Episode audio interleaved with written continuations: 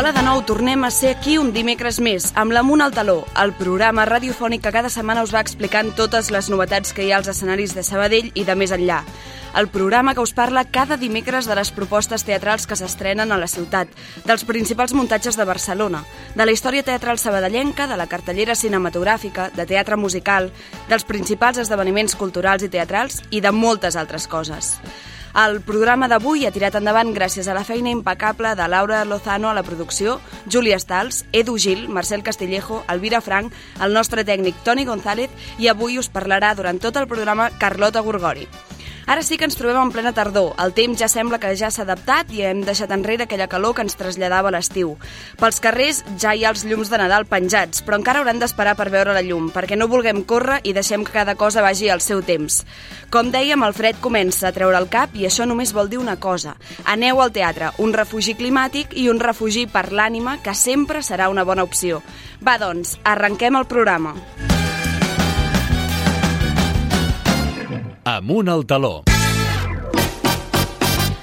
Avui a la secció de la platea indiscreta, com sempre, farem un repàs de la cartellera de la nostra ciutat amb la Júlia Stals.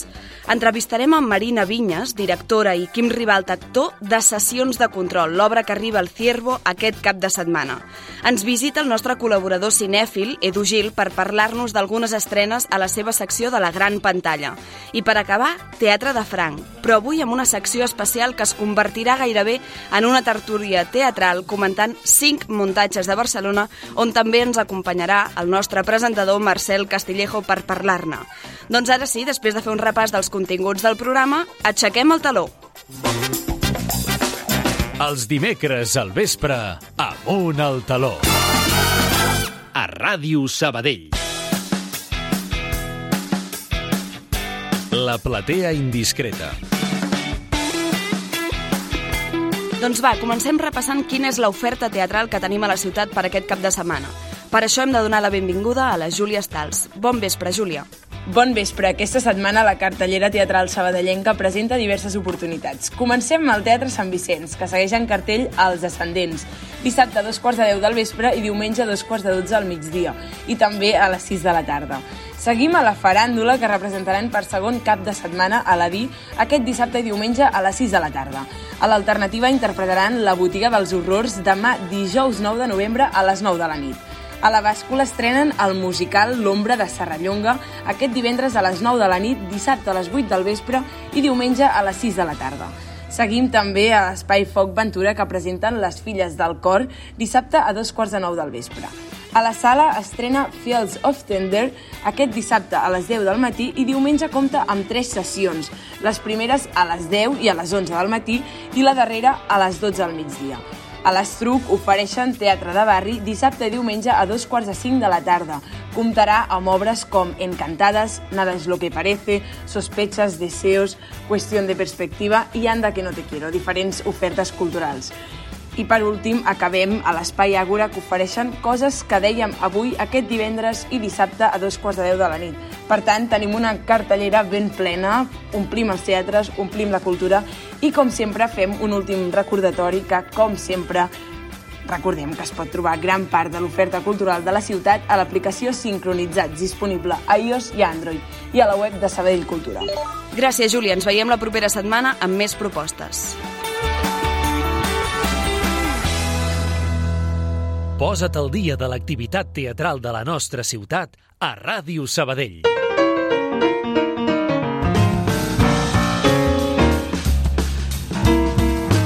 L'entrevista.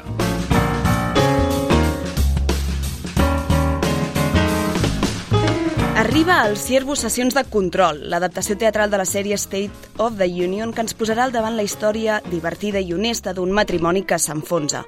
Per parlar-ne tenim amb nosaltres a la seva directora Marina Vinyes i un dels seus protagonistes, Quim Ribalta. Hola a tots dos i gràcies per ser avui a l'Amunt al Taló.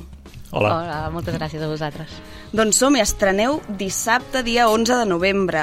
Mm. Res, tres dies. No és per posar-vos més pressió, però com ho porteu? Com esteu? Els nervis, com van? Mm, bueno, Com a veure, com Quim, estàs, com Marina? estàs?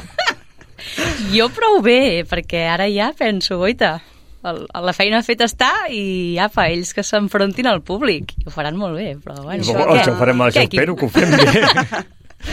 Uh, doncs uh, jo vinc de repassar text a casa, no ja t'ho dic ara. Perquè... És aquells nervis de dir, m'ho sé, però necessito Mm, continuar.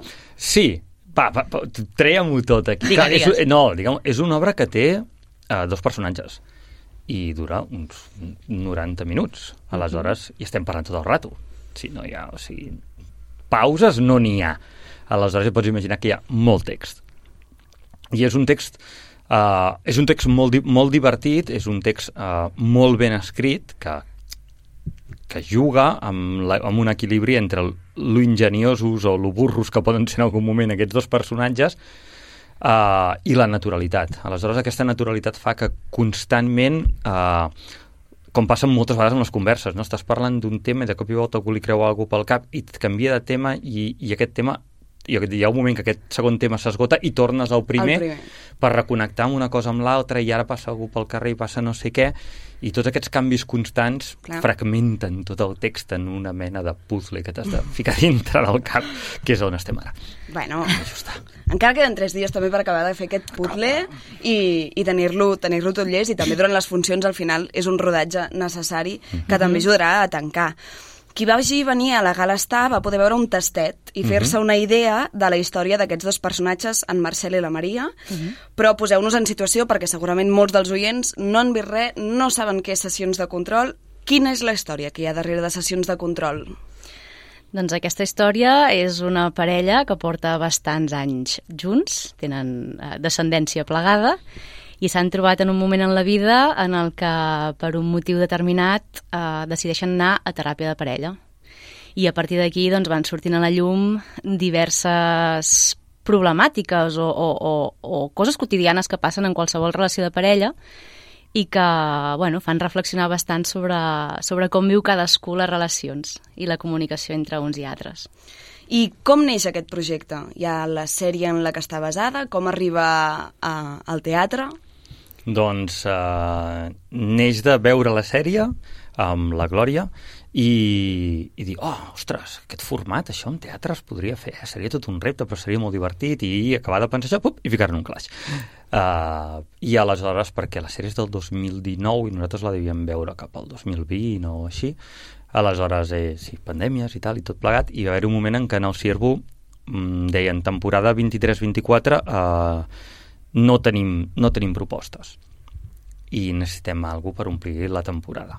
I així una miqueta d'emergència, eh, eh, amb la Glòria vam parlar i vam dir, va, fem-ho. I d'una altra banda jo em vaig arremangar també i, i ja posats a fer vaig aparèixer a davant de la Junta amb dos projectes. Aquest i un altre que ja vindrem a parlar al febrer. I, que també és això, que és barregem, no? Vull dir que estrenem, sí. estrenem el, el dissabte i jo eh, tinc assaig avui al vespre de l'altra obra i és una miqueta... Però, però bé, bé. Aleshores neix d'aquí i vam arrencar i d'una idea inicial de una miqueta jo me lo, si me lo como amb la glòria de, bueno, pues anem llegint i ens ho anem muntant i tal, haver un moment que es va fer com molt obvi que necessitàvem una visió externa. Perquè actuar i dirigir sempre és una mala idea. Alhora, no ho feu mai. Uh, i va ser com vam dir, ostres, la Marina uh, és la persona indicada ja fa molts anys que ens coneixem ens agrada molt treballar amb ella i a més uh, bueno, per, per com és, eh, en aquest projecte li, li escau molt, o sigui, li, li, li sabrà el sabrà veure des de fora, donar-nos indicacions a nosaltres i també proposar coses que a nosaltres no se'ns han acudit ja només d'interpretació, sinó de, de l'espai escènic i tot plegat, i això ha funcionat molt bé, perquè han sortit mil coses que, que si no arriba a haver-hi la Marina no seria així el projecte. Bueno, ens hem anat retroalimentant, jo crec, entre uns i altres. Allò al final també la confiança fa fàstic i, i vas posant sobre la taula propostes i vinga, a veure qui la diu més grossa i al final... Doncs... Havies vist la sèrie, coneixies la història... Mm, Jo no l'havia vist prèviament fins que ells dos em van dir tenim aquesta idea, tenim aquest projecte, seu aquí al sofà i mira a veure què et sembla. Llavors va ser quan, quan la vaig veure i la primera impressió, que ja ho havia dit, és això és molt exigent, tant per vosaltres, perquè el que deia el Quim és veritat, són dues persones tota l'estona que porten el pes de l'obra, com pel públic. És una obra que jo crec que és exigent, perquè has d'estar al cas. I això, si no es porta amb un cert dinamisme, es pot, es pot fer cansat, però jo crec que no serà així, que s'ha aconseguit fer-ho de manera que sigui també una, una proposta diferent a nivell escenificació. Llavors, bueno, a veure què tal. I per part de la visió externa a l'hora de treballar-hi o per part de, de, dels actors, què és el que us va cridar més de la història? Ja no de dir, va, que això es pot fer a nivell teatral, sinó suposo que quan decideixes fer un projecte teatral o, o acceptar una, una, una direcció, una posada, una visió externa, hi ha alguna cosa que dius, val, això ara sí. Teniu alguna cosa? Sí, mm -hmm. és... és... El que deia abans de la naturalitat és, molt, és un text molt honest, o sigui, tot el que parlen aquests dos personatges uh, no hi ha res que situï en una situació de... És que cada tres frases et sents identificat amb alguna cosa, perquè està molt, molt baixat a, una, a, a unes situacions de, que és que crec que ens, ens han passat a tots en, sempre hi ha una nota diferent, un to diferent, o no, òbviament no, no acaba de ser exactament això, o, però, però sempre et ressonen moltes coses i està plegat d'això. I, I aquesta veritat que té no només és, és crua, sinó que a més està molt ben escrita, perquè Nick Hornby fent el guió uh, ho va fer molt bé, o sigui, sap fer molt entretingut i molt divertit aquest tipus de, de tractar aquests textos tan honestos, aquestes realitats, aquestes veritats. Aleshores que tu la... Bueno, nosaltres la veiem i era com estic, està tan equilibrat el, el sentir-me identificat al mateix temps de riure i això provoca que m'estiguin rient de mi mateix perquè m'estiguin rient d'una cosa que em fa pensar a mi mateix i, i enganxa molt en això. Mm. Per I que, a més a més, Marina, també. sí, també és, és molt això, que al final no cal anar a buscar grans històries, vull dir que, que el que et pot passar el dia a dia també és interessant, no només pel fet de, de, de ser interessant o no, sinó per, fer, per reflexionar sobre com vius, com gestiones, i crec que a vegades potser no ens parem prou a pensar en les coses més bàsiques de la rutina diària. Jo crec que això també era la part a vegades xula. no cal la gran reflexió de la vida, no? no D'alguna no cosa... filosofies de Exacte, no sé que quin al final autor. amb el dia a dia, sí, sí. amb les situacions més banals, més quotidianes, mm. és on també hi han mm -hmm. totes aquestes grans filosofades. Um, D'això llavors dèieu això, eh? que l'espectador, per tant, el preparem perquè se senti identificat uh, en algun moment segur. Segur. Que rigui, segur segur d'alguna situació. Home, tot està fet que... des, de, des de la part... Eh, és, no deixa de ser una comèdia. És una comèdia àcida, irònica i sarcàstica, però és una comèdia, vull dir que riurà. Uh -huh. I a més a més se sentirà identificat i també es pot sentir en aquell moment, en algun moment, algun personatge de l'obra, perquè aquesta també és la gràcia de, de fer que com dèiem, no? la posada d'escena és a 360 graus perquè el públic està uh, tot al voltant i, i en part el públic també forma part d'aquesta obra. I això també és una cosa interessant.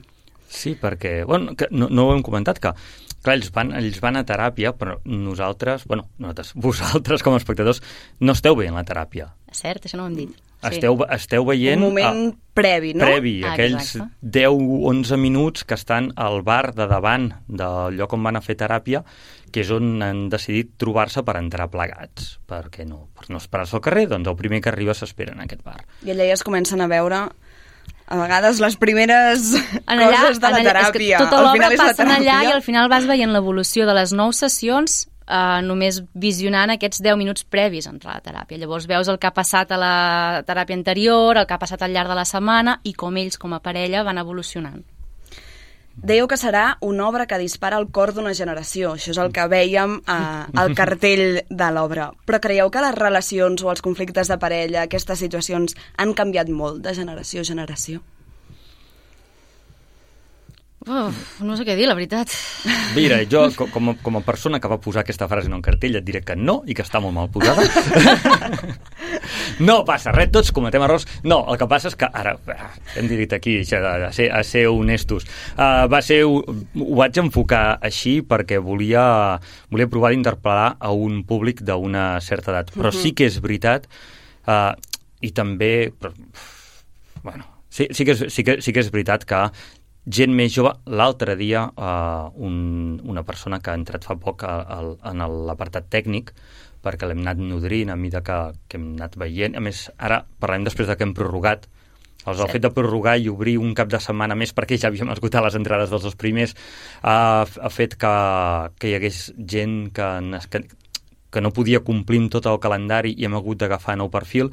I tot això per dir-vos que va venir un noi nou que serà tècnic, que Això és el que passa a l'obra Ja constantment. eh? Constantment. Que vas i tornes, No, no, vas no, i però em tornes. va- em va- És exactament Ja això. anunciat la però pròrroga, per tant, Arribo, arribo, un moment, que arribo al final de, de tota la perorata, Vinga. que és, que és...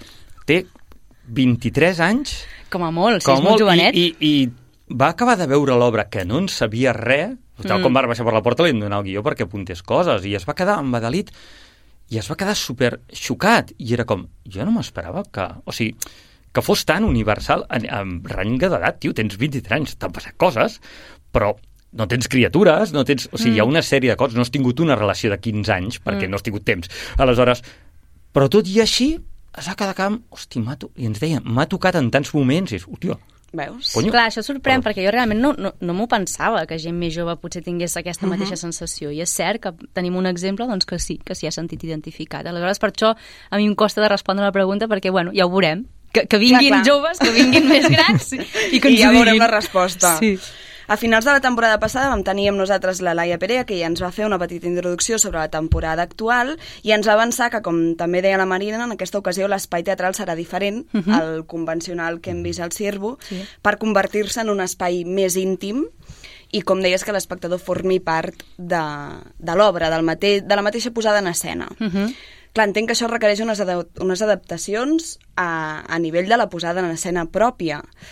Com ha estat aquest treball de ja no treballar en un espai convencional i, i jugar una mica més amb l'espai escènic?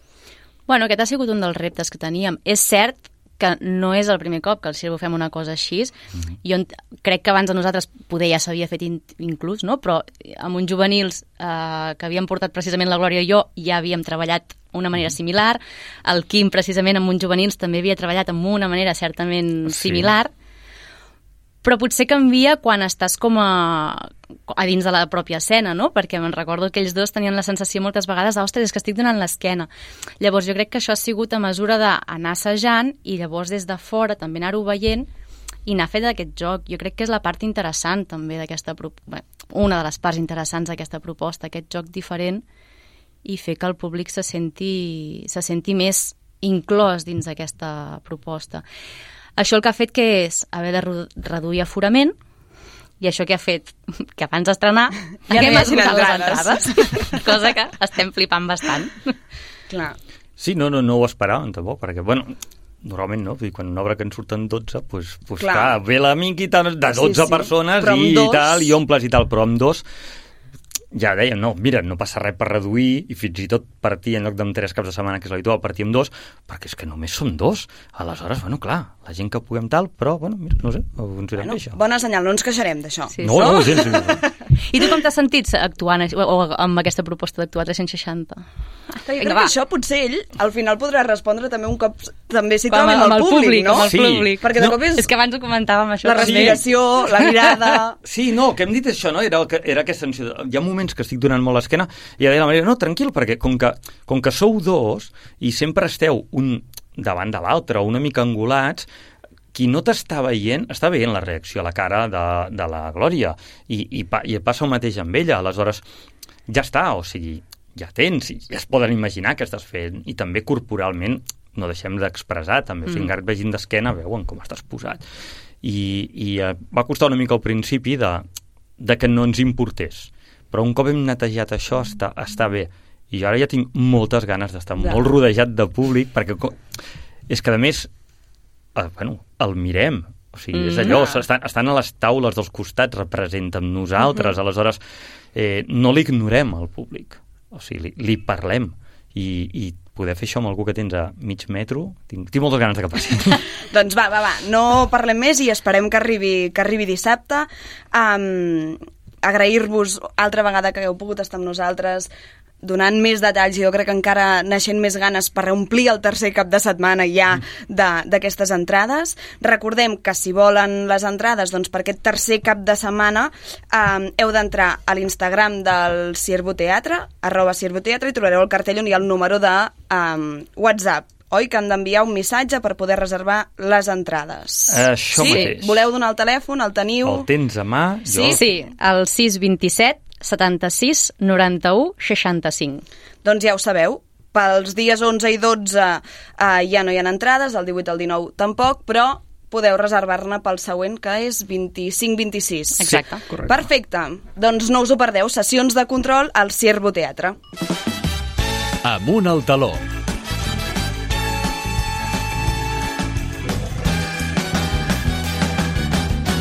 A Ràdio Sabadell.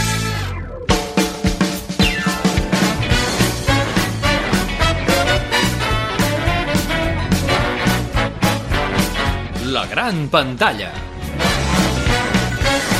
Com sabeu, a la gran pantalla deixem l'escenari de banda per traslladar-nos, com diu el nom de la secció, a la pantalla, al cinema. Per això tenim amb nosaltres el nostre col·laborador més cinèfil, Edu Gil, que ens parlarà sobre tres estrenes que podem trobar ara a les cartelleres cinematogràfiques. Bon vespre, Edu. Bon vespre, Carlota. Com ha anat la castanyada? Ho ets més de Halloween? Com ha anat això? Bueno, Aquesta- Castanyada bé, eh? Alguna pel·lícula Bé? de terror ha caigut, eh? Bueno, clar, és que al cinema la castanyada no crec que la trobem. Totalment. Parlarem de tres pel·lícules, Los asesinos de la luna, Saben aquell i El chico i la garza. Per Correcte. quina comencem? Si vols la de los asesinos de la luna, Doncs posem una mica en context. Los asesinos de la luna, l'última pel·lícula de Martin Scorsese amb Leonardo DiCaprio i Robert De Niro al capdavant d'un gran repartiment, ambientada a l'Oklahoma de 1920, narra els assassinats en sèrie dels membres de la nació indígena Osage, molt rica en petroli. Una sèrie d'assassinats que més tard es coneixeria com el regnat del terror. Escoltem-ne un fragment. ¿De quién son estas tierras? Mías. Bueno, bueno, bueno. Aquí tenemos a nuestro héroe de guerra. ¿Tomaste la buena decisión de venir aquí? Sí, los Osage son los mejores y más bellos seres que ha creado Dios. Y son gente sabia. Fueron capaces de decidir quién se quedaba. Com ha anat això de los asesinos de la luna? prou bé, la veritat. He de dir que al principi fa com una mica de por i suposo que la gent no, no hi entra per la seva duració, que són 3 hores i mitja, que és bastanta. Jo vaig haver d'anar a la un parell de cops, però la veritat és que val la pena. És a dir, és una història que t'enganxa i estàs a dins tota la pel·lícula. Potser un cop acaba estàs pensant, bueno, potser mitja hora menys. Es Tampoc podria- hagués anat malament. 100%. Però, tot i així, um, el clima que et crea, és a dir, sobretot també el pressupost que té, perquè els escenaris és espectacular. És a dir, si ja heu vist el tràiler, tota la pel·lícula és això, i com està um, ambientada als anys 20, és, uh, ja només per això ja val la pena. Però tot i així la història va a foc lent, a poc a poc, va avançant, però bueno, ja es va creant aquest clima que ja cada cop estàs més endins fins que hi ha la- l'ebullició. Pel que llegia algunes crítiques o algunes opinions de la sèrie, molts parlaven de que és un Martin Scorsese um, que busca el detall Totalment. íntim, sobretot en els personatges, és a dir, com a poc a poc eh, es van transformant. A dir, jo crec que sí, tota la raó amb els detalls, però jo crec que és això, um, ha volgut ser molt ambiciós, que això ho admiro, perquè amb l'edat que té són ja 80, 80 pocs, que déu nhi però tot i així té el toque seu d'un viatge que fa els, els protagonistes cap a un bueno, diguem com als inferns, per dir-ho així, però val la pena, jo crec. i recordar també que és una història basada en fets reals. I inspirat també en una novel·la. Per tant, encara segurament té Totalment. un toc de, ostres, perquè suposo que els fets són bastant Totalment, forts. bueno, clar, és una crítica sobretot al, a la part dels, dels americans amb, amb els indis Exacte. i tot aquest rerefons que hi ha històricament. No sé com deu haver anat l'estrena als Estats Units, però... Bueno, clar, és que la duració no, fa molt... Com un... Ja, ja, no, no, hi ha moltes crítiques. eh? Hi ha actors de d'origen antiu que s'han queixat, eh? de, com els, de com els tracta una mica, però bueno. Mm. Però bueno, Ja, tot. la puntuem? Jo li poso un 7. Bueno, bé, perfecte. Escòcia podries esperar-te un 8-9, però tot i així és un 7 ben merescut i surto satisfet i com enfadat, per dir-ho així, pel, per la pel·lícula, però molt bé. Perfecte. Doncs continuem amb Saben aquell. Perfecte. Suposo que aquesta sí que és una pel·lícula que s'ha sentit molt, en els mitjans de comunicació, sobretot catalans, doncs també se n'ha fet molta, molta publicitat. És la pel·lícula, l'última pel·lícula de David Trueba, que dirigeix a David Verdaguer i Carolina Juste, Juste per traslladar a la pantalla els primers anys de la carrera de l'humorista Eugenio i la seva relació amb Conchita, interpretada per Carolina Juste, que és la seva primera dona i una de les grans, o sigui, de les grans persones del seu voltant que va convertir l'Eugenio en, en qui és. Com ha anat aquesta? Doncs la pel·lícula és això, és el que has dit, eh, narra sobretot el- els inicis, és a dir, de com fa el canvi de música a començar a narrar els, els acudits, i la veritat és que m'ha sorprès gratament. Um, si voleu, posem un moment un tràiler i la comentem. Vamos a prepararlo todo a su gusto. Ahí falta la mesita y el taburete en el centro, al lado del micro. Vodka naranja en un vaso de tubo y un paquete de tabaco negro, un mechero y un cenicero. Buenas noches. Y hoy, como habrán notado, estoy muy contento. ¿Y el saben aquel? Ese tío que va a una tienda de ropa i diu, perdone... Ben bé que sentir-lo és veure l'Eugenio. Totalment. És a dir, jo anava amb les expectatives una mica no baixes, sinó que ja més o menys coneixia l'Ester perquè tenia bastant recent el documental que va fer uns 4 o 5 anys que narrava sobretot a través dels personatges clau de la seva vida, els fills, els amics i, i familiars i anava explicant una mica el seu viatge sencer. Aquí ben bé és una part, no és tota, però és una part important i trobo que el David, eh, l'actor, el David Verdaguer, ho fa molt bé, es transforma completament i, i sobretot també em va sorprendre ella, la Carolina, perquè aquest saber estar, aquesta posada, aquell parlar català que no te la imagines, també entra molt bé i em va sorprendre perquè bueno, hi ha escenaris que suposo que heu comentat sí. aquí que, que s'han gravat aquí a Sabadell Surt al Teatre Sant Vicenç. Correcte. Malgrat no es pugui reconèixer que és el Teatre Sant Vicenç, però bueno, però, ho sabem bueno, que ho i és. I a part, si tu ja el coneixes, ja veus una mica Clar. i ja intueixes què és. Surt l'església, la parròquia de, de la Creu Alta, Alta també, i l'Urpí. I l'Urpí, és veritat. Per tant, marca sabadellenca Totalment. també, que fa il·lusió veure. I el que deies del David, eh, en entrevistes que, havíem, que, que hem pogut sentir del David, deia, clar, que era com, no pots anar a la imitació, perquè ho has de mantenir, ho has d'interpretar, sinó has d'anar a, la, a la reencarnació del personatge, al viure'l. Clar, i això, um, bueno, jo ho veig una feina dificilíssima de fer. Totalment, a més a més, amb però... un personatge tan um, que tothom té el cap, que tothom té la seva imatge, que tothom té la seva veu, el moviment... No, jo, jo suposo que també, i suposo que haurà ajudat molt el, el director el David Trueba uh -huh. en Mhm. aquest aspecte, sobretot de, de separar per parts. Anem a les parts més um, quotidianes i després anem a un part dels acudits. Ho, suposo que hauria de tenir molt marcat, sobretot per poder fer aquesta transformació. Clar. Jo Sí, crec. sí. Bueno, nota, doncs, de saben Un aquell... set, ben merescut, Perfecte. i... Bueno, avui anem de notables. L'aniré totalment, eh? Ja veurem l'última. Bueno, l'última sí, jo crec que potser baixarà. Però bueno, Ara comentem. Perfecte. Doncs acabem amb El Chico i la Garza, l'última pel·lícula del distingit director d'animació japonesa Hayao, bueno, Hayao Miyazaki. Molt bé, ho has dit perfecte. Mm, Queda bé, no? Vale. Um, director del viaje de Shihiro, una pel·lícula que segurament tots coneixem, que parla de Maito. És un jove encara afectat per la mort de la seva mare, que va viure amb el seu pare i amb la dona del seu pare, i acaba en un estrany món on passat, present, vius, morts, realitat i fantasia conviuen en conflicte constant. Una història basada també en un llibre de 1937 que porta el mateix nom. Escoltem-ne un, un trosset. Escucha, a partir de hoy yo voy a ser tu nueva madre, Maito.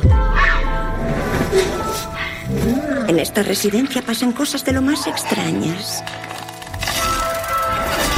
¡Maito, sálvame! Hubo muchos heridos y algunos hombres perecieron.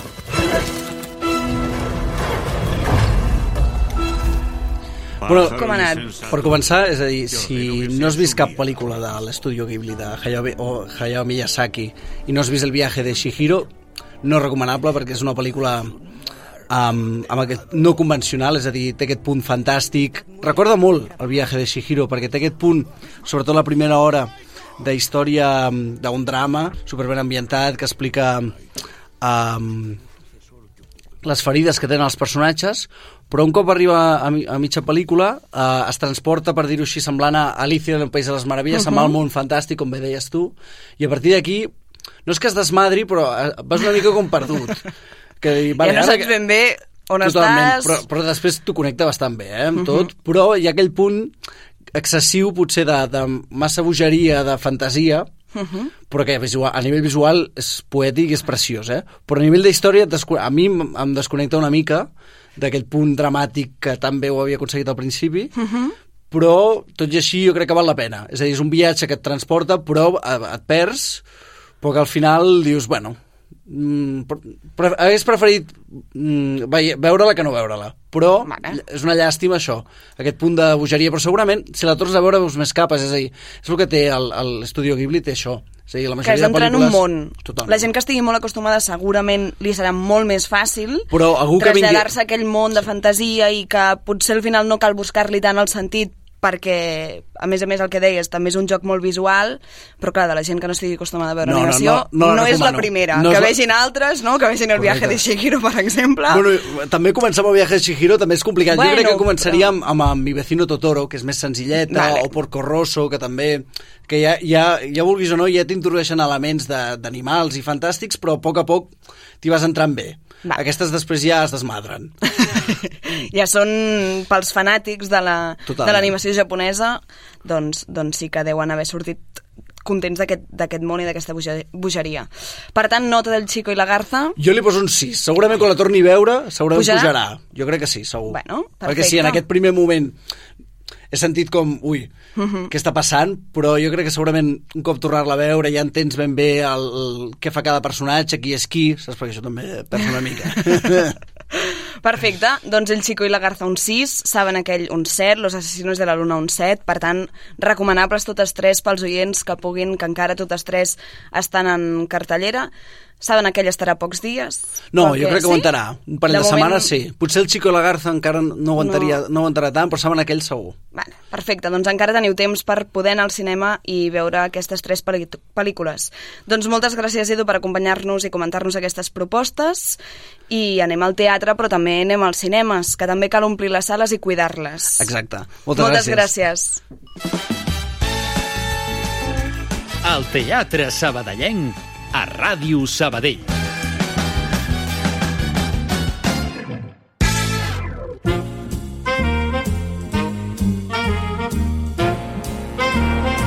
Teatre de Franc. Ja arribem al final del programa i per això cal saludar la nostra col·laboradora Elvira Frank, que com sempre ens parlarà sobre alguns muntatges que podem trobar a la ciutat de Barcelona. Però avui, tal i com hem avan- avançat a l'inici del programa, la secció serà una mica diferent. Avui l'Elvira estarà acompanyada també del Marcel Castillejo, amb qui podran comentar alguna de les obres que parlarem. Així doncs, donem la benvinguda a tots dos. Hola. Què tal? Bon vespre. Bon vespre, bon vespre, oients, també. Per tant, una secció especial, tindrem més temps i parlarem de cinc obres que estan actualment a la cartellera teatral barcelonina, però que els hi queden poques funcions, així que pareu bé les orelles i si teniu sort i no hi ha entrades exaurides, apunteu-vos bé les recomanacions. Per això en parlem avui, perquè s'està acabant. Totes acaben el dia 12 de novembre. Per tant, són pocs dies i de lo que parlem i que, que com dius tu, trobem entrades, doncs seleccioneu el que es faci més gràcia de lo que hem explicat. Bé, són tots, tots ells espectacles molt bons, eh? Molt- Vull dir que no sé si tindrem prou temps, eh, de, de secció. Doncs vinga, som-hi. som-hi, som-hi. Parlarem de Pols de Diamant, a la sala Versus Glòries, una història basada en un cas real d'agressió homòfoba que va resultar ser mentida. Exacte. També parlarem de l'amic retrobat, actualment al Teatre Goya, que és una reposició que ja fa, no sé si 3 Quatre o 4 anys, anys. Abans la, la van pandèmia. fer al Teatre Nacional, si Sí. no m'equivoco. Sí. Relata la història d'amistat entre dos nois durant més de 3 dècades que es veurà enterbolida per la pujada de tensió que es viu a Alemanya a partir del 1933. Exacte. També parlarem de Dona, al centre de les arts lliures a l'Espai Joan Brossa, on s'ajunten les veus de totes les dones i homes del món que desitgin comprometre's amb un món on la humanitat recuperi la llum per la qual va ser creada. La nostra ciutat, el Teatre Lliure, la millor peça americana que s'hagi escrit mai segons el dramaturg Edward Albee. Sí. Déu-n'hi-do a aquesta peça. I acabarem amb el dia que van matar els llops, al Teatre Lliure també, inspirant-se amb la narrativa breu de Mercè Rodoreda, que parteix dels contes de nens per arribar a la narrativa fantàstica. Exacte. Sí? Doncs som-hi. Seguim aquest ordre. Que. Perfecte. Comencem amb Pols de Diamant, Elvira. Dos Pols de Diamant és una obra escrita per Pau Coia, com has dit tu, a la sala Versus Glòries, magníficament interpretada per Daphne Balduf i Albert Salazar i dirigida per Nelson Valente, que com sempre fa un treball extraordinari. Ja sabeu que és un dels directors que a mi m'agrada i realment aquí es llueix. Eh? Una obra que va guanyar el torneig de dramaturgia de les Illes Balears i que es basa en un fet real, com has dit tu, que va succeir a Madrid l'any 2021. Un jove de 20 anys que tornava a casa després de sortir de festa va tenir un atac homòfob. Però després de ser entrevistat pels mitjans de comunicació, van sortir detalls que no quedaven, no quadraven amb la seva versió. El cas en concret es va concloure dient que eh, el noi havia mentit. Fet que van aprofitar la, la premsa i els polítics per ressaltar que moltes vegades aquesta mena d'atacs són mentida. Aquí van posar molta salsa, eh? perquè no convenia eh, donar més... No? més... Clar, sempre va bé que n'hi hagi un que menteixi, com amb la violència masclista, no? És que n'hi han de falses. Exacte. Sí, clar. Una història d'amor entre dos joves i una mentida entremig que amb aquesta proposta es descriu què podria haver passat, o potser què va passar. Uh, Dani, és el, el protagonista, pateix una agressió física i sexual i no la vol denunciar, però al final surt a la llum. I el seu relat no convenç ni l'opinió pública ni els investigadors. Un, un argument dur que anirà s'anirà descobrint al llarg de la història, aquest argument. Eh? Temes com el col·lectiu LGTBI, enllaçats en temes de prostitució, que sorprenen i que enganxen. Les paraules de l'autor diu que no volia que el Dani fos una víctima, sinó que el descriu com un noi que sap que el seu comportament a la societat se'l miren amb mals ulls i amaga la veritat per inèrcia, per intentar sobreviure. Pau Coia diu que eh, aquests personatges, eh, els homosexuals, diguéssim, uh -huh. eh, sempre que estan en una narració, estan descrits com monstres o com a víctimes. I ell no volia donar aquest, aquest gaire al personatge. No, uh -huh. ell volia que fos un personatge més real, tal com són. Unes meravelloses interpretacions dels dos actors que el director ha dissenyat en moments de silencis llargs, com sempre fa. Eh? Aquest director és característic, aquests silencis altres d'embralles, de balls i moviments increïbles i de disbauxa, però també amb una gran tendresa que fa que el públic no jutgi, sinó que se senti identificat, salvant les distàncies, amb els sentiments dels protagonistes. Salazar interpreta el noi agredit uh -huh. i Balduf fa tots els altres papers, del nòvio de Dani, del periodista, el metge i molts altres personatges. Una genial representació que crec que es mereix un gran èxit i que penso que ens sentirem a parlar mm. més temps. No tan sols fins al dia 12. Mm? Ja... Han obert una nova funció sí. el dissabte a, les, a, la tarda. a, a la tarda, a dos quarts de sis, sí, diria. perquè a la nit per les ja... altres ja estaven exaurides. Han exaudit cada dia. Per tant, si ho esteu escoltant, intenteu buscar a la tarda, per perquè l'única a la nit fan una estrena. disponible. Estrenen una altra cosa al vespre, a les 8 del vespre, i llavors l'han posada a la tarda per tenir que això, aquesta oportunitat aquesta de les persones que no han trobat entrades. Mm -hmm. Marcel. A més a més, crec que mm, bona part del públic, i per això segurament s'han exaurit les entrades, eh, ha, ha empatitzat amb aquesta història, perquè sí que és cert que parla d'un cas molt concret, no?, que barreja una mica de realitat i ficció, i els propis actors, intèrprets de l'obra i el Pau Coia ho expliquen, no? Sí però tot i tractar-se d'un cas superconcret, eh, al final, en el fons, l'obra t'està parlant de, de què ens passa com a societat, eh, perquè la societat està tan malalta i permet eh, doncs, que es produeixin aquest tipus de casos, no? aquest tipus d'experiència que viu aquest noi, Um, i, i, i, i també i també com, com la resta com el seu voltant, el seu Reacciona entorn i... reaccionen, eh? Uh -huh. Vull dir que que per mi, eh, no sé, una mica la reflexió com a espectador que em vaig treure era aquesta, no?, de, de què ens, què ens passa com a societat que permetem això i com és que no després emocionalment i no, no sabem ajudar aquest noi i no, saber, i no sabem abordar-ho, no? Um, I em quedo amb un missatge, jo hi vaig anar, vaig anar a veure la funció el dia que feien col·loqui postfunció i em quedo bastant amb alguns missatges que, que el Daphnis Valduz va, va dir després, va comentar després amb el públic, no? Um, es parla molt, ara últimament, de ah, l'obra que parla de personatges homosexuals i ell, i ell deia mm, l'obra no va de homosexuals. Hi ha personatges homosexuals, mm. però ell, i ell comentava, el Pere Arquilloé no li diuen ei, què tal això de fer d'heterosexual, no?, per mm. exemple. Mm -hmm. És com doncs sempre és... passa amb els personatges de mi... col·lectius minoritaris, sí. que sempre fan o han de fer de aquesta característica que els col·loca en un col·lectiu. I, ja, ja, ja els etiqueta i, sem i sembla que l'obra parli d'això, no? Però l'obra parla de, de com el noi queda implicat en tota una trama, tot un cas de i com ell emocionalment ho gestiona, etc etc i no, la seva parella, etc etc. I va d'això, no va d'uns personatges no. homosexuals. Aquests tenen aquesta característica, però no això no els ha de no ho han de carregar com una llosa, és una, una condició més. No? Uh -huh. Doncs passem de pols de diamant, com dèiem, a l'amic retrobat Retrobat. al Teatre Goya. Som-hi. de Fred Ullman al Teatre Goya, com has dit. I hi vaig tornar per segona vegada, després de 4 anys de veure-la, que ja em va agradar molt, que era abans de la pandèmia, que la van fer a la sala de tallers del TNC, com deies, i potser a l'estar tancada a casa aquest, aquest temps, em va fer reflexionar molt sobre aquesta obra. Quan hi vaig tornar, en principi vaig pensar, l'és o no l'és? I llavors vaig veure que sí, que era la mateixa obra, la mateixa direcció, la mateixa posada en escena, uh -huh. tot igual. Però la primera vegada ja em va mm, captivar moltíssim i sí, llàgrimes també, eh? El novel·lista i pintor jueu alemany, resident a Anglaterra, va escriure la seva primera novel·la ressaltant la seva pròpia experiència de quan de jove vivia al seu país natal, Alemanya, i va haver d'abandonar per por de la persecució del règim nazi. Una novel·la que ha estat editada en diversos idiomes i que Josep Maria Miró en va fer la dramatúrgia per poder-la portar al teatre. Això va fer fa quatre anys.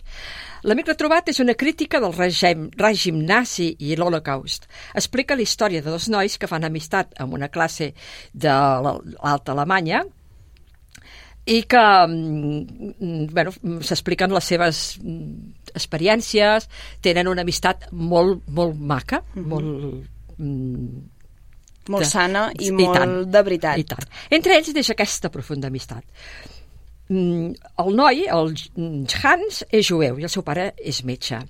I Horandin és el fill d'una aristòcrata família alemana, ben bé alemana. Després, durant uns anys, comparteixen aquestes il·lusions, les esperances i les contradiccions. Tot canvia amb l'ascens del nazisme i la persecució dels jueus.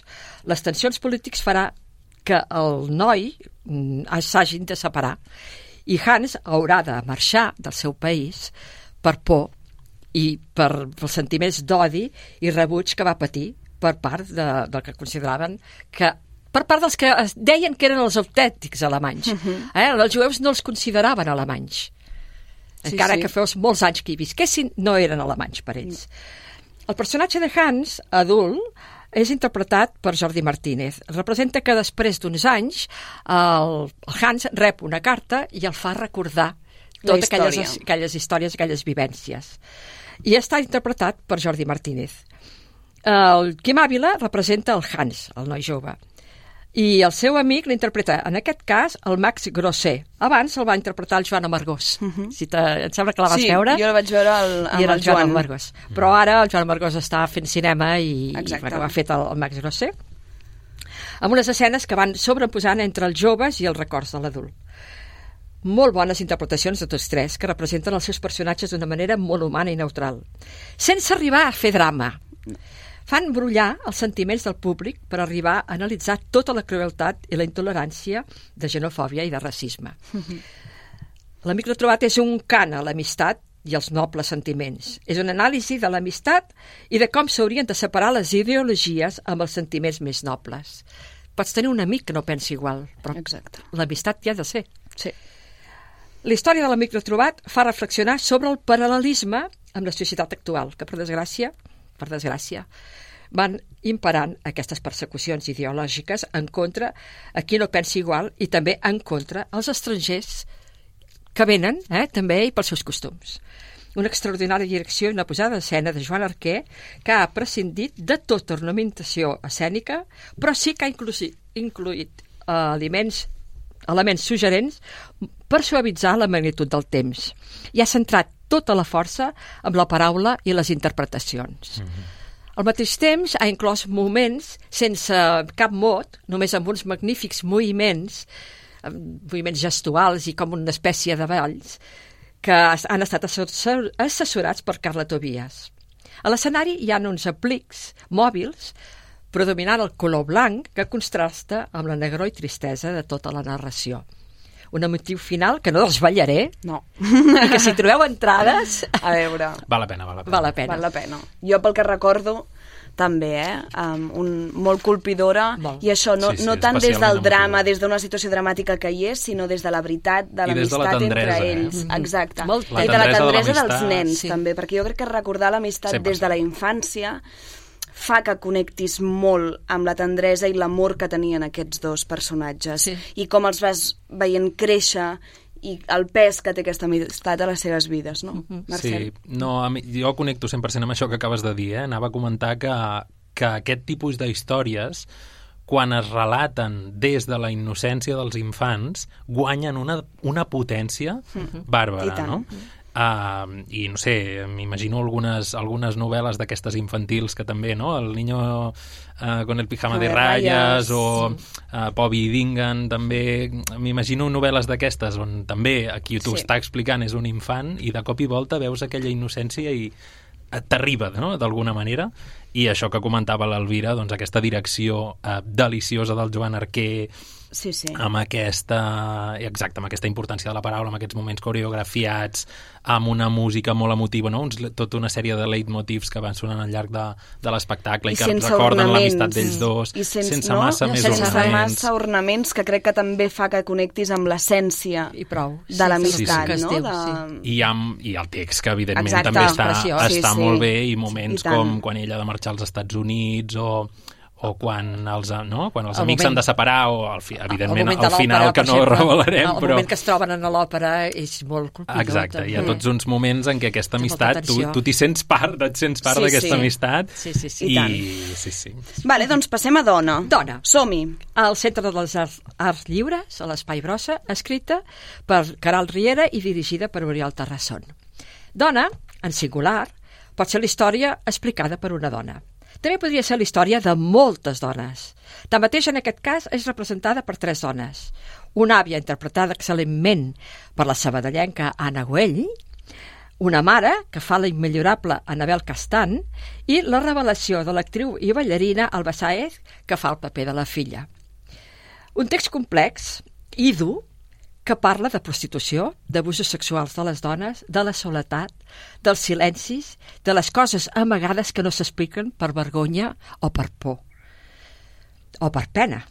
Però també parla de l'amor, que sense dir-s'ho elles tres, hi ha aquest amor, però que no s'ho parlen mai, que no s'ho diuen mai, perquè tenen altres barreres que els impideix parlar d'aquesta estimació que, es- que senten aquestes tres generacions. Totes tres viuen en silenci per guardar els temes que els ha fet tan mal, però també tapen els vincles i les relacions afectives amb aquest silenci. Els silencis són representats per moviments corporals, per danses fatigoses que traspuen dolor i estimació, i que van més enllà de les paraules. És la manera de comunicar-se. Un treball corporal magnífic, totes tres, principalment la noia més jove, fa doncs, unes expressions corporals com uns balls preciosos. Ni la pluja, com diuen elles, ara plou, ni el vent, tan ben representat per l'Anabel Castan, mm, se'ns poden emportar les males vivències ni els secrets, fins que al final arriba la tempesta i ho destapa tot. I s'hauran d'enfrontar a les tragèdies d'abans, a les tragèdies viscudes. Un tema tractat amb delicadesa i respecte, amb imatges impactants, música creada especialment per aquestes representacions i uns diàlegs commovedors que expliquen la violència i barbaritat d'alguns homes. No vull explicar el què, però és de dones, eh? Mhm. És un cant a la llibertat de la dona. Al mateix temps descriu la submissió primer i la venjança després de les dones. L'àvia, hi ha un moment, que diu de la neta serà tan important com un home. Amb aquesta frase ja veiem com estaven de sumises les dones, eh? que serà tan, tan important com un home. Pot ser igual, no? Aquesta és, és molt intel·ligent, serà tan important com un home. L'escenari és buit, igual com es senten elles de buides, les tres protagonistes, només uns llums de forma de cortina que d'alguna manera allunya fets reals amb altres imaginatius. Elles van vestides en quimonos intemporals, segurament per assenyalar que el que es descriu ha passat, està passant i que per desgràcia passarà. Una excel·lent proposta que s'ha de veure. Aquest espectacle és l'últim que presenta el grup Les Antonietes. Uh -huh. Un bon final després d'una etapa de 15 anys oferint bon teatre. Esperem que veure els components amb altres ofertes, encara que sigui per separat. Perfecte, apuntada també Dona. Dona. Doncs vinga, després de Dona passem a la nostra ciutat, al Teatre Lliure. Com dèiem, una de les millors peces americanes segons algun dramaturg, ni més ni menys que Edward Albee ho, ho deia. Sí, i tant. Som-hi. La nostra ciutat, de Torsen William, que vaig poder assistir a la prèvia d'aquesta representació. Una obra coral on interpreten 15 actors, actrius i actors, alguns amb doblant personatges. Mm, Poc freqüent ara, eh, en els escenaris, de veure 15 actors junts. Mm. Mm. La direcció és de Ferran Utzet, que com bon matemàtic, perquè ell de carrera és matemàtic, presenta els seus treballs municiosament construïts, plens de detalls, tant en moviments, amb tons de veu, presència artística, escenografies i fons musicals, tractant punt per punt cada situació.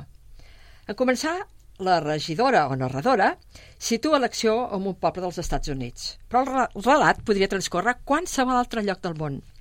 Famílies i persones que, com nosaltres, neixen, viuen i moren. Les escenes són senzilles i quotidianes, destacant moments infantils, moments d'enamorament, de casament, d'il·lusions, per acabar en la devastació. Fent, en conseqüència, una reflexió sobre la vida, el goig de viure i també l'incògnita de la mort. En l'últim acte, la protagonista, que representa que és morta, diu no ens entenen, no ens entenen ells, oi que no? I potser no, que nosaltres, els vius, no No entenem, entenem la mort. la mort. Eh? Els morts potser ens entenen, però els vius no ho entenem. Una obra que va ser, com has dit, mm, doncs molt famosa, guardonada amb el Premi Pulitzer del teatre de l'any 1938 i que el seu pla- plantejament sempre serà actual. No passarà mai de vida, perquè, mai de, de moda, perquè el tema de la mort, de la vida, de viure la vida, els moments més insignificants, això sempre serà present. L'escenari del llibre està obert de bat a bat. Es poden veure una mica com els tècnics treballen entre caixes i tot, eh? Tota l'escena és de fusta i en alguns moments s'obren unes portes corredisses per reforçar les escenes. El cant coral hi és present, oferint moments de gran tendresa i emotivitat. Les interpretacions són excel·lents. Eh, La presentadora és la Rosa Renom, la Renom. nostra sabadellenca preferida. La Paula Amàlia, la Mercè Pons, Rosa Voladeres, Isabel Roquetti, Tai Fati, Jenny Becar, Guillem Balar, Carles Martínez, Xavier Ripoll, Oriol Genís, Albert Triola, Biel Montoro, Lluís Oliver i Josep Sobrevals. Heu vist que tots són actors amb Això ja un no es nom. veu, eh? I tant. No, no, Aquests costa repartiments veure, eh? tan grans. Sí, sí, un extraordinari. Ells mateixos en fan broma, eh? Eh, Sí, sí, perquè és un extraordinari sí, sí. repartiment. Eh, i, I a més a més és que estan tan cuidats el gest, cada expressió, està tot cuidat al 100%. Cal destacar que per voluntat del mateix autor s'ha de prescindir de qualsevol objecte i decorat. I aquí només serveixen d'unes taules i unes cadires amb monuments puntuals. Una obra que mm, a Catalunya es havia interpretat sempre, es havia fet amb grups amateurs. I és la primera vegada que es fa com A a, professional. professional. Es havia fet sense ni taules ni cadires, eh? sense res. Només amb el gest de, de, i l'expressió dels actors. Una obra que sembla que, sense semblar-ho, és molt profunda. El director i l'elenc ha sabut projectar aquesta intensitat. Les estrelles, la lluna, la pluja, el sol, continuaran existint. Però i nosaltres? Què en farem? Aprofitem, doncs, aquests moments de, de joia i per gaudir. De vida i de viure'ls. I tant que sí. I tant. Mm -hmm.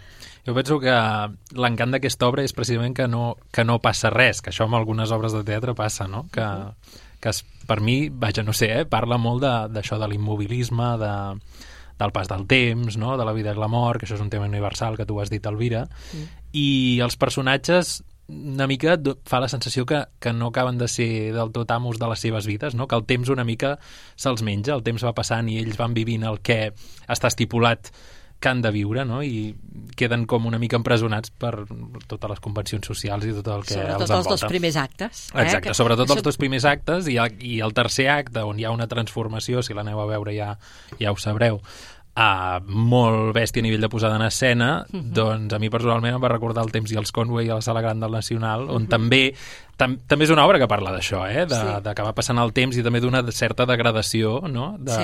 en aquell cas d'una família, en aquest cas d'una societat, d'una comunitat, D'un poble, sí. i es va degradant i l'escenari també es degrada amb ells, no? amb els personatges, i és interessant.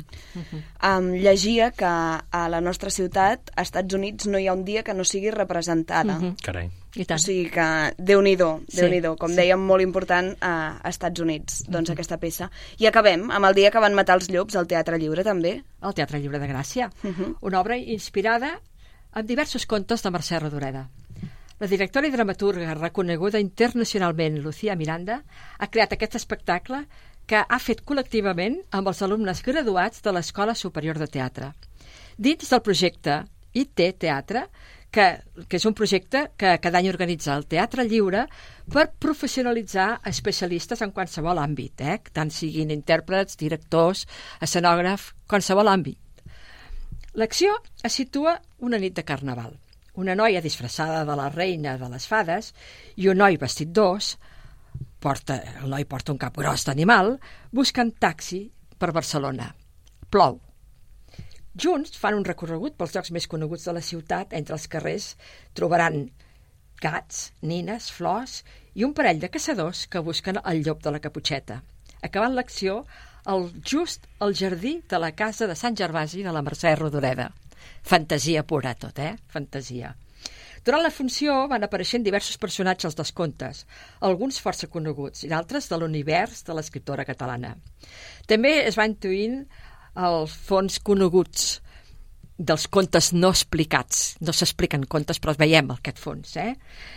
Mm, arguments com més intensos com la mort, la violència i el respecte a la diferència, donant a entendre que quan una persona ja no vol que li expliquin contes fantàstics és quan perd la il·lusió i la imaginació, quan perd la joventut.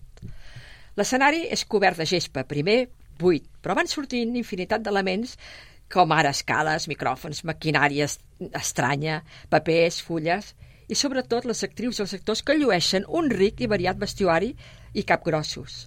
Les actuacions són ben notables i plenes de poesia, de música i cançons, creant un món mític i ple de lirisme vuit actors i actrius que es desdoblen en diversos papers, uns personatges que fugen de la realitat i es centren en el joc i la infantesa. La mà de la directora es percep en tot moment, tot i que, segons diu, van partir d'un fill d'un full en blanc que entre tota la companyia el van anar omplint d'un treball ple de recursos i moviments, de música i interpretacions rellevants. Una fantasiosa i poètica representació que ens fa mirar amb els ulls dels infants sense deixar de ser adults que això és l'important, mm -hmm. saber sempre mirar amb aquests ulls de, de la innocència. De nen, com mm. dèiem. A mi em va agradar Un molt comentari- el, sí, el, to, el to surrealista uh, i aquesta, aquest tipus d'espectacle m'agrada molt aquest tipus d'espectacles pupurri, no? que et pots trobar tant una escena de cabaret com de com una cançó trista, com una escena més mm, festiva, clownesca, o sigui que és una barreja i que no saps què vindrà després, no? que és un pupurri De de molta coses. fantasia. I també eh, vaig va, voler caçar algunes referències amb algun altre espectacle, per exemple, a nivell de, de posada en escena uh, o d'estètica, amb Renard o el llibre de les bèsties o amb la desaparició de Wendy de Josep Maria Benet i Jornet, que també és un compendi de de històries, o Into the Woods, per exemple, i, en, i ara s'ha posat molt de moda, Elvira, estaràs d'acord amb mi, la gespa.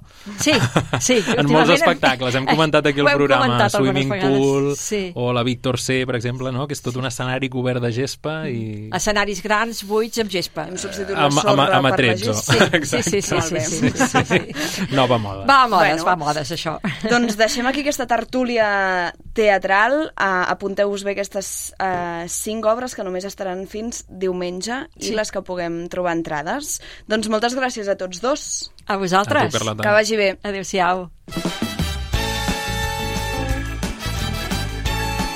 I aquí finalitzem l'Amunt al Taló d'avui. Us recordem que podeu recuperar tots els nostres programes a Spotify. Només cal que hi busqueu Amunt al Taló al cercador i hi trobareu els nostres podcasts. Rescateu també aquest programa i tots els altres al web de Ràdio Sabadell. No us perdeu les novetats a les nostres xarxes socials, a Instagram, arroba almuntaltaló.està i també a Facebook. Tornem la setmana vinent per seguir parlant de teatre local i de tot allò que passa als nostres escenaris. Gràcies per escoltar-nos.